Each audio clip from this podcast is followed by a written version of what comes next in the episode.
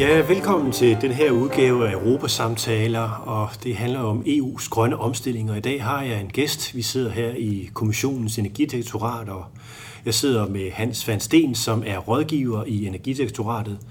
I er jo simpelthen inde i maskinrummet for den grønne omstilling, fordi energi betyder så meget. Men inden vi ligesom går i gang med at kigge lidt på, hvad EU rent faktisk gør, kunne du så ikke sige mig, hvornår opdagede du første gang de globale klimaforandringer i dit liv? Men det tror jeg, jeg gjorde i, hen imod slutningen af forrige århundrede, hvis man kan sige det på den måde. Jeg tror, det var det der, hvor det først gik op for mig, at det her det var alvorligt. Det var nok dengang, vi begyndte øh, at forhandle Kyoto-aftalen og Kyoto-protokollen, og det har jo været i omkring 97, vil jeg tro.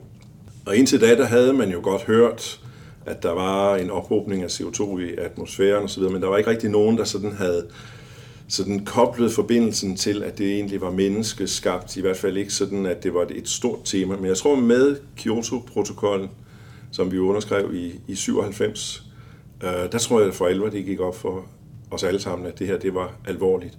Og så kan man sige, at med Kyoto-protokollen, så, så tog man så et første meget lille skridt, fordi der talte man jo nogle relativt sådan beherskede reduktioner i CO2-udledningerne.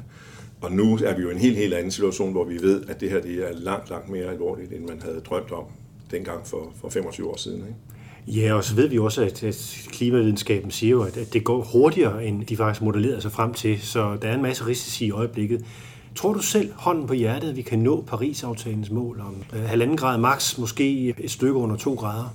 Det tror jeg, man kan, men, men det er jo fuldstændig rigtigt. Det vil jo virkelig kræve en omstilling af næsten alt alt den måde, som vi gør ting på i øjeblikket. Det er jo ikke kun energi, selvom som du siger, energi er meget vigtigt. Det er 75 procent af vores udledninger, der kan føres direkte tilbage til den måde, vi enten producerer eller forbruger energi på. Men det er jo også øh, alle mulige andre områder af samfundet, industri, transport, landbrug osv. Så det kræver en virkelig omstilling på tværs af alle sektorer i, i hele vores øh, samfund. Men vi tror jo på her i kommissionen, at det kan lade sig gøre. Vi har jo lavet rigtig mange undersøgelser og modelkørsler om de her ting. Og det viser, at det kan lade sig gøre, og det kan da lade sig gøre på en god måde i den forstand, at det ikke er noget, der betyder, at vi behøves at øh, gå på kompromis med vores øh, velfærd osv det er bare en anden måde at gøre tingene på, og, og det skal starte nu. Og det er jo det, vi har ligesom, øh, og det tror jeg, det kommer vi sikkert tilbage til i den her snak, det er jo derfor, at vi har nu øh, lagt den her såkaldte Fit for 55-pakke frem, som viser, at vi skal virkelig skrue op for vores ambitionsniveau allerede i forhold til 2030. Vi kan ikke vente og sige, at vi skal være CO2-neutrale i 2050, som jo er den officielle målsætning med The European Green Deal, eller den grønne pagt, som den hedder i Danmark vi skal i gang langt, langt hurtigere og langt mere omfattende, og det er jo det, vi lægger op til med den her pakke af forslag. Men det er jo EU's klimalov, og det er jo så reduktion med 55 procent frem til, til 2030. Og der er jo masse øh, håndværk, som skal laves fra jeres side, nemlig hvordan skal det rent faktisk udmyndtes og implementeres, øh, og der er jo masser af forhandlinger på mange områderne. Kan, kan medlemslandene øh, bære det der voldsomme reguleringspres, der nu kommer, altså på meget, meget kort tid? Jeg, jeg tror, det er jo vigtigt, at man ligesom skældner mellem, hvad man siger, nu har vi fastlagt med den europæiske klimalov det overordnede ambitionsniveau, klimaneutralitet i 2050, en 55 procents reduktion af vores CO2-udledninger i 2030. Og det er, jo, det er jo forholdsvis enkelt at blive enige om det, kan man sige. Ikke? Det, er jo, det kræver bare at sige, jamen så gør vi det. Det, som der jo nu skal ske, det er, at nu skal man finde de instrumenter, som kan sikre at vi rent faktisk når de mål, som vi nu har sat os, og som nu er skrevet ind i europæisk lovgivning, og derfor er bindende for os alle sammen. Og det er jo det, vi har gjort. Det har kommissionen jo så taget meget alvorligt og sagt, vi ved, at det her det kræver ganske alvorlige ændringer på tværs af sektorerne, og derfor så bliver vi nødt til at lave øh, lovgivning, for eksempel omkring øh, langt mere vedvarende energi, omkring mere energieffektivitet, specielt i bygninger, vi kommer med et nyt forslag her i december, som kommer som er en del af pakken, men som kommer lidt senere nu end selve hovedforslagene, som kom i, i juli i år, omkring en ændring af bygningsdirektivet, hvor vi går ind og ser på det, vi kalder minimumstandarder for bygningsrenovering, og det er jo meget, meget vigtigt at, at få det, fordi det er cirka 40 procent af vores energiforbrug, der bliver, der bliver lagt i, i bygninger, og specielt opvarmning af, af bygninger. Så vi kan sige, at en del af det er jo selvfølgelig regulering, og der kan man jo godt ud fra sådan et rent liberalt øh, synspunkt sige, at øh, kan medlemslandene det. Men det er jo ikke kun regulering, det er jo også, øh, hvad skal man sige, en markedsmekanisme, som lægger vi ovenpå i forhold til kvotehandelssystemet, hvor vi nu lægger op til, at man vil styrke kvotehandelssystemet. Vi vil udvide det til at dække også andre områder, end det gør i øjeblikket. Vi vil for eksempel inddrage de frie kvoter, som der er blevet givet til luftfart, og vi vil på lidt længere sigt, omkring 2025-2026, så vil vi gerne øh, have bygninger og vejtransport ind i kvotehandelssystemet også. Mm. Så det kan man sige, det er jo ikke regulering sådan i den traditionelle forstand med lovgivning osv. Det er jo en, en prismekanisme, der kommer ovenpå den måde, som markedet selv skal fungere på. Og der har vi jo gode erfaringer med kvotehandelssystemet indtil nu, med de områder, der har været reguleret. Det er jo rigtigt, at da vi indførte kvotehandelssystemet i sin tid, så fungerede det ikke særlig godt, og kvoteprisen var meget lav, og derfor så havde den ikke rigtig nogen egentlig effekt. Men på det seneste, så har vi jo set en kvotepris, der er blevet langt højere, og, og nu kan vi altså se, at det rent faktisk virker. Den har faktisk ramt 65 euro per, per ton. Det har den nemlig, og i, i lang tid så lå den jo dernede omkring de der 10 euro. Og det er jo klart, det er jo ikke noget, der virkelig batter. Men når man nu er oppe på den pris, som du nævner der, så, så er det jo noget, som dem, der skal, øh, som, bliver, som er en del af det her, de bliver nødt til at tage alvorligt og tage med i deres beregninger af, hvordan er det så, at vi investerer for at gøre det mest optimalt i forhold til også at skulle betale for udledning af CO2. Og det er jo det, der har været hele ideen med, øh, med kvotehandelssystemet. Kan man få sydeuropæerne med på, at vi skal reformere hele bygningsmassen i midten af 20'erne og, og gøre noget for at sænke emissionerne for den del, for eksempel? Det tror jeg egentlig godt, fordi igen udgangspunktet er, at der enstemmigt har man lagt sig fast på, hvad er ambitionerne i det her. Klimaneutralitet i 2050, 55 procents reduktion i 2030. Så bliver man altså også nødt til, at, når man har sagt A, så bliver man nødt til at sige B, som tror jeg, man siger på dansk. Ikke? Og så øh, må vi se på, hvordan gør vi rent faktisk det her. Og alle ved jo godt, hvad det er, der skal til. Det er jo ikke så kompliceret, fordi vi ved jo, hvor emissionerne er, vi ved, hvor det er, vi skal reducere. Vi ved også godt, hvad det er, der virker, og noget af det, der virker, det er for eksempel kvotehandelssystemet. Så jeg tror, at øh, selvfølgelig vil der være den normale øh, forhandlingsproces i gang med det, med kvotehandelssystemet, men også med, med det, der hedder byrdefordelingen i forhold til bruttonationalprodukt per indbygger osv. Og, og der kan man sige, i de høringsrunder, vi havde forud for, at vi lavede forslagene, der øh, gør vi jo altid det i kommissionen, at vi laver omfattende høringer af alle interesserede parter, og selvfølgelig også medlemslandene.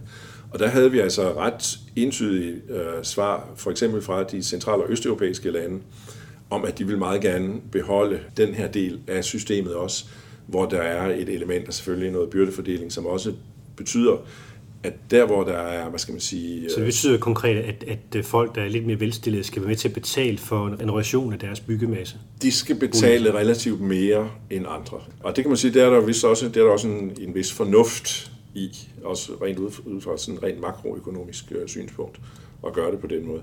Det andet, der jo så ligger i det, nu falder det jo så sammen med, at vi også skal ud af den her covid-19 krise. Og der er alle er jo enige om, tror jeg, at det, der skal til, det er, at der skal massive investeringer til, for at vi kommer ud af vores... Øh, Men der er ikke så mange penge efter det her. Vi har brugt øh, næsten 5.000 milliarder i medlemslandene og EU på corona-hjælpepakker, så ja, men det er jo 5.000 her... milliarder euro, ikke de danske kroner. Nej, det er rigtigt, men... Så, og folk er blevet mere, landene er blevet mere forgældede, så er der råd til at investere men, i grøn omstilling? Men det, som vi fra kommissionens side har sagt, det er jo, at i den her hjælpeindsats for at komme ud af den her pandemi, der bør man satse på den grønne og den digitale omstilling. Og det viser sig jo netop, at det er områder, hvor hvad skal man sige, hver investeret krone eller euro, eller hvad vi nu taler om her, betyder mest rent makroøkonomisk. Det er jo for eksempel den grønne omstilling. Der er masser af jobs i for eksempel bygningsrenoveringer. Vi har for eksempel været glade for at se, når vi har set de planer, som medlemslandene skal lave under øh, de her hjælpepakker, at øh, der faktisk er rigtig meget indsats på de her områder.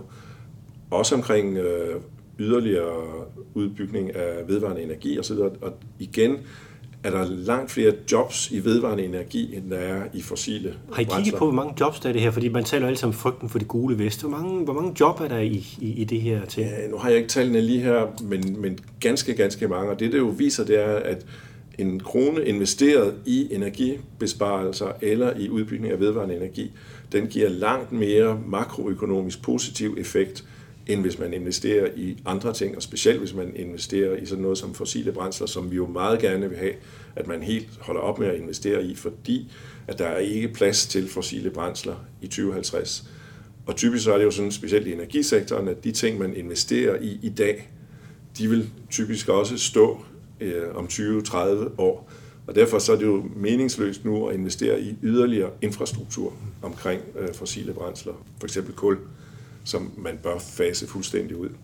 Så kan man sige, at der er nogle spørgsmål omkring gas. Det er jo der diskussionen den så ligger. Og den er jo eksplosiv de her dage, den er jo fordi, meget fordi priserne er steget voldsomt, og folk føler, det er en ny energikrise. Og... Ja, og det er jo, er, er jo ganske alvorligt, men man kan sige, det, det som vi jo ser omkring de her stigninger af energipriser, det viser jo også, at det er den rigtige vej at gå efter langt mere vedvarende energi, fordi meget af, af baggrunden for de her prisstigninger, som vi ser i de her dage, det er jo netop, at gasprisen er steget ganske betydeligt.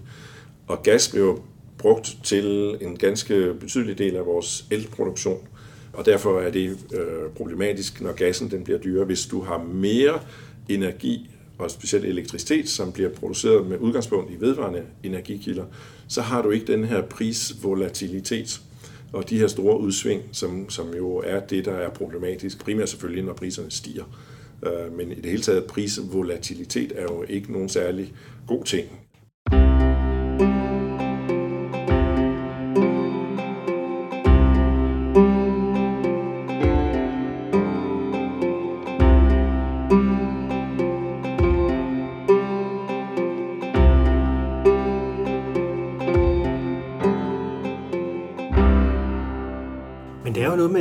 Altså timing og også tempo i det her, altså i forhold til, dels skal der tages nogle beslutninger, som først får virkning om mange år. Det tager tid at bygge vindmølleparker og andre ting og sager, solcelleparker og den slags, og også at få bygget et energisystem, der hænger sammen. Øh, men, men, men der er jo også den, altså vi får jo, nu kan vi jo se på for eksempel elbilmarkedet, at, at det virkelig begynder at tage, tage fart. Folk køber elbiler i stor grad, og det vil sige, pludselig så kan man få sådan en ketchup-effekt. Og har vi så kapaciteten i vores, øh, vores energinet, der kan forsyne de biler med mm. altså drivmidler, så at sige. Det er jo en, det er en problemstilling, som, som man er nødt til at, at fokusere på, er det ikke det? Det er bestemt en øh, problemstilling, man bliver nødt til at se på. Altså, den grønne omstilling, den handler jo meget om det, vi kalder elektrificering. Der er flere og flere ting, som vi skal bruge elektricitet til, som vi i øjeblikket ikke bruger elektricitet til. Du nævner selv transport, varme og noget andet. Vi får, skal have langt flere varmepumper. Og det er klart, det giver et pres på elsektoren, og hvordan man skal rent faktisk øh, sørge for, at elsektoren den er i stand til på et hvert tidspunkt og ligesom at dække de behov, der er i forhold til øh, efterspørgselen efter elektricitet. Og det er der mange forskellige elementer i, hvordan man skal gøre det. For det første så skal vi have yderligere infrastruktur på elsiden. Vi skal være i stand til at sende elektriciteten derhen, hvor der er brug for den. Og selvom man kan sige, med vedvarende energi er det sådan lidt dobbelt. Altså for det første kan man sige, det er mere decentralt folk har solceller på deres tag og så videre, de bruger deres, den energi, de selv bruger. Men du vil også se for eksempel omkring havvind, at det vil tit blive produceret langt væk fra, hvor det skal rent faktisk forbruges. Så der skal man sørge for, at den infrastruktur, som kan transportere elektriciteten, den er til stede. Det er den, det er den ene ting.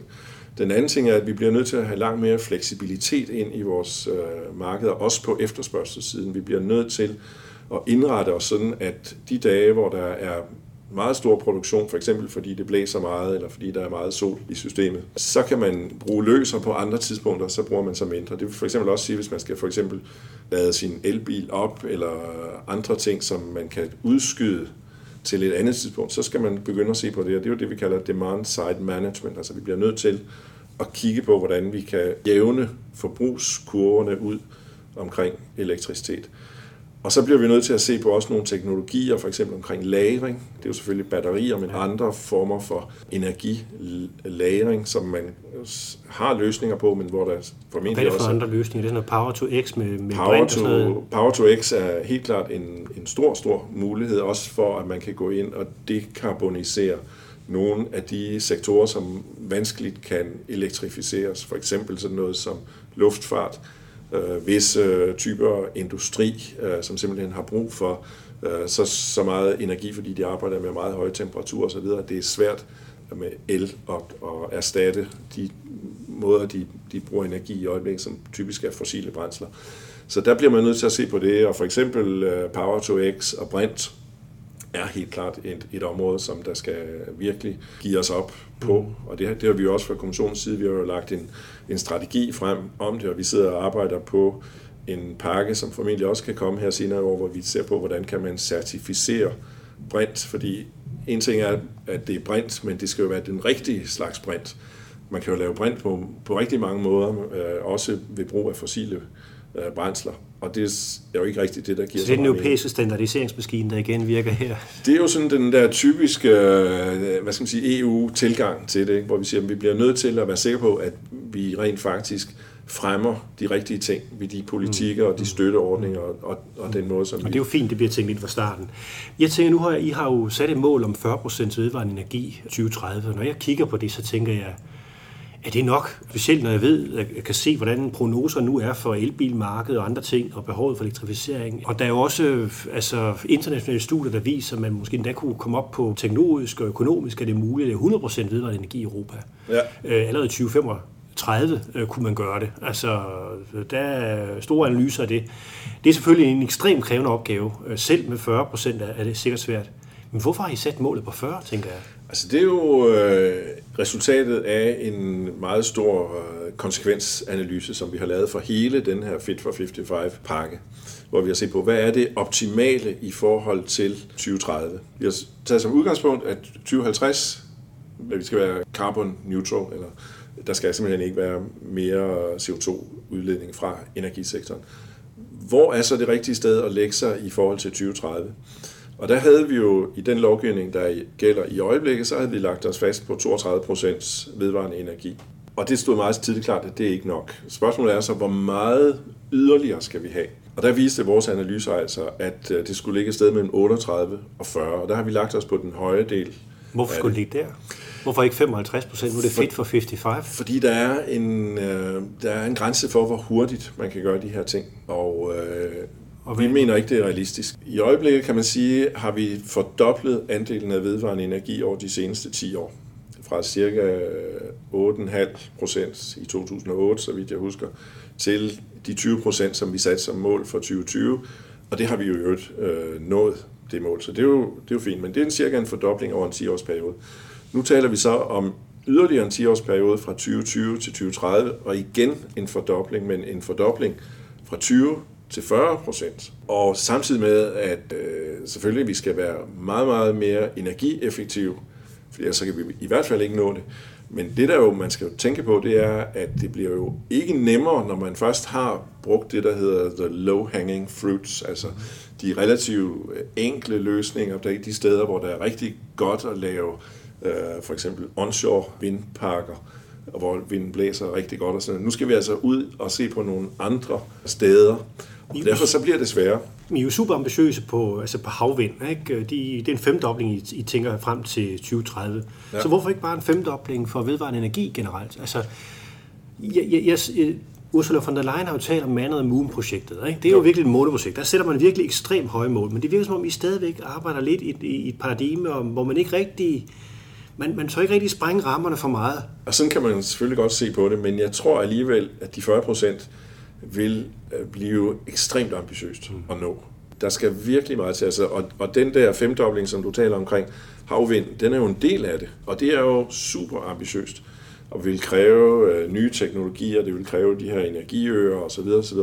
Så det er ambitiøst. Jeg, jeg tror, at det som vores analyser viser, det er, at hvis vi når de 40% vedvarende energi, så er vi på den rigtige kurve i forhold til øh, neutralitet øh, for CO2 i 2050. Men vi ved jo, at på markedspriserne, der er vedvarende energi i dag konkurrencedygtigt, altså på markedspris. Øh, og så er der forskellige typer af mix, men så er der også nogle andre typer af energikilder, der skal fases ud, for eksempel kulkraft, øh, og vi importerer i dag for over 300 milliarder euro øh, af fossile brændsler for, for omverdenen, som vi så er afhængige af. Så hvis man har strategisk suverænitet eller autonomi, åben strategisk autonomi, så kunne det være en god idé at komme af det der ja. øh, importafhængighed, vi har. Så, så der er nogle penge, man ligesom kunne på en eller anden måde konvertere. Mm-hmm. Øh, en lånefinansieret investering i vedvarende energi. Men så er der sådan nogle tekniske barriere. Der er nogle tekniske barriere, og det er jo også noget med alle de her procedurer, man skal igennem for at få lave, for at kunne lave projekterne.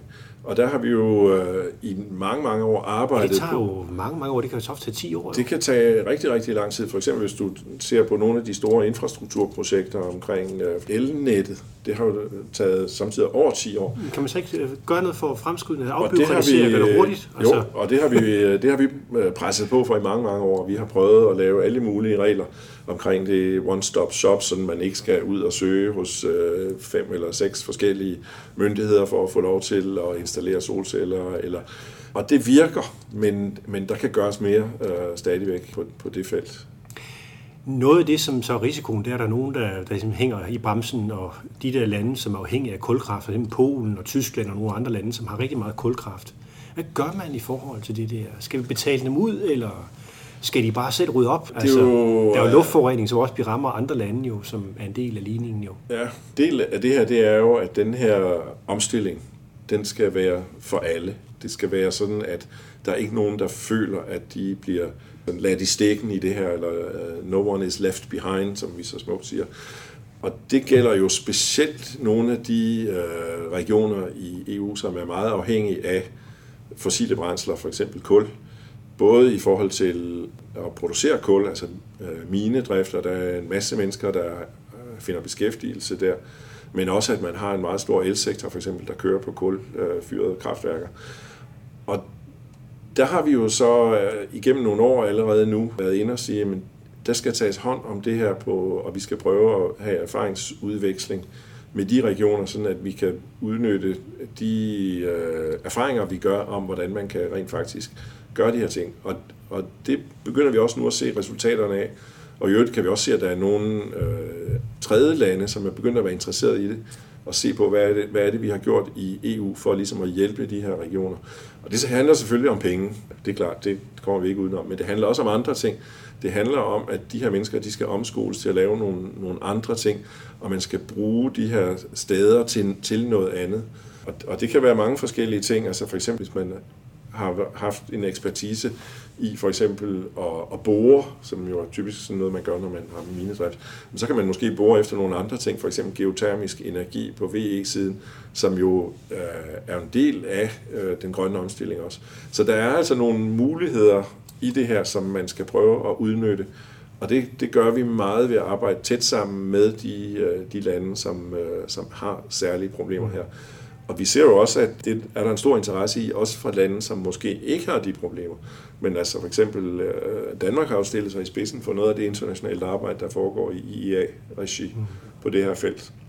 Og det synes jeg er rigtig, rigtig godt. Og vi ser altså en stor interesse i det, vi kalder the just transition. Mm.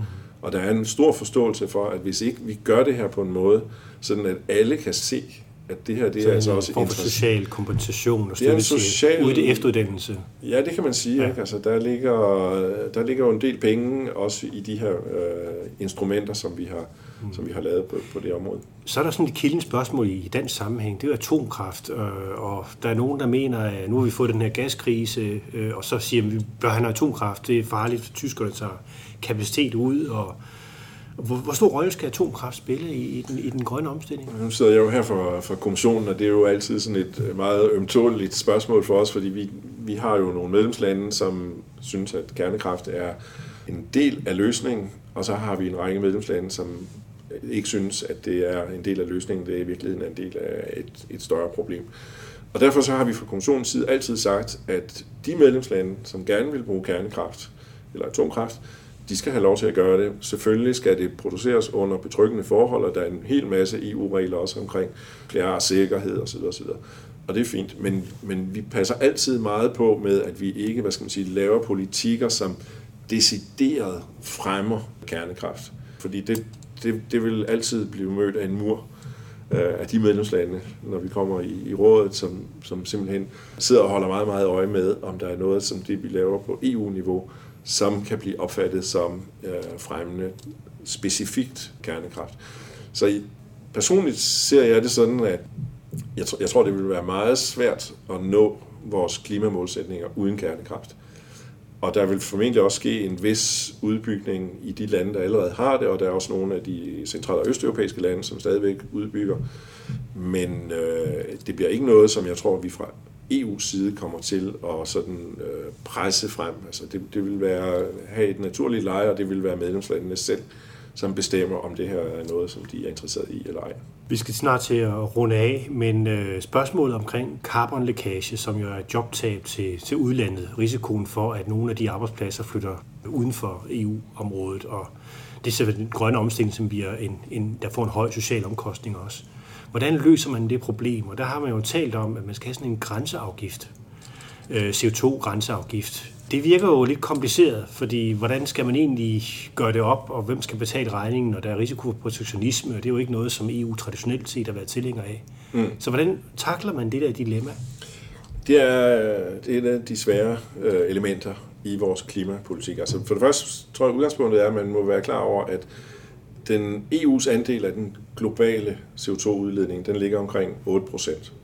Så det, det, det siger sig selv, at selvom vi øh, i EU, selvom det lykkes for os at reducere øh, helt ned til nul vores udledning af CO2, så har vi ikke løst klimakrisen, hvis der så bare sker det, at det er andre lande, der producerer alle de ting, som vi måske har produceret tidligere, altså som du siger, carbon, lækage. Og derfor så øh, må vi jo se på, hvordan man løser det her.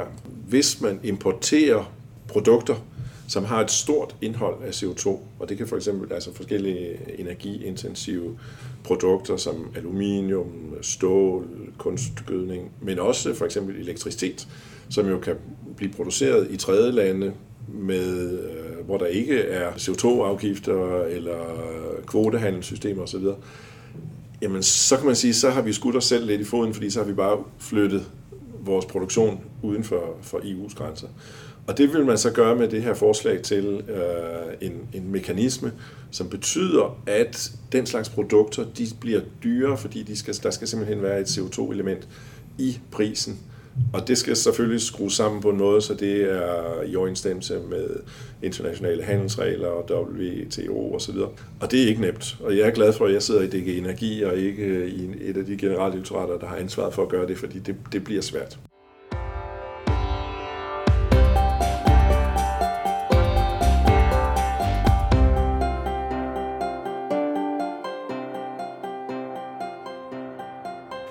Her til sidst hørte du Hans van Steen, der er rådgiver i Kommissionens Energidirektorat. Mit navn er Bjarke Møller, og jeg er vært for denne udgave af Europas Samtaler. Jeg er også forfatter til bogen Håbets Politik, sådan overvinder Europa kriserne og bliver en grøn supermagt.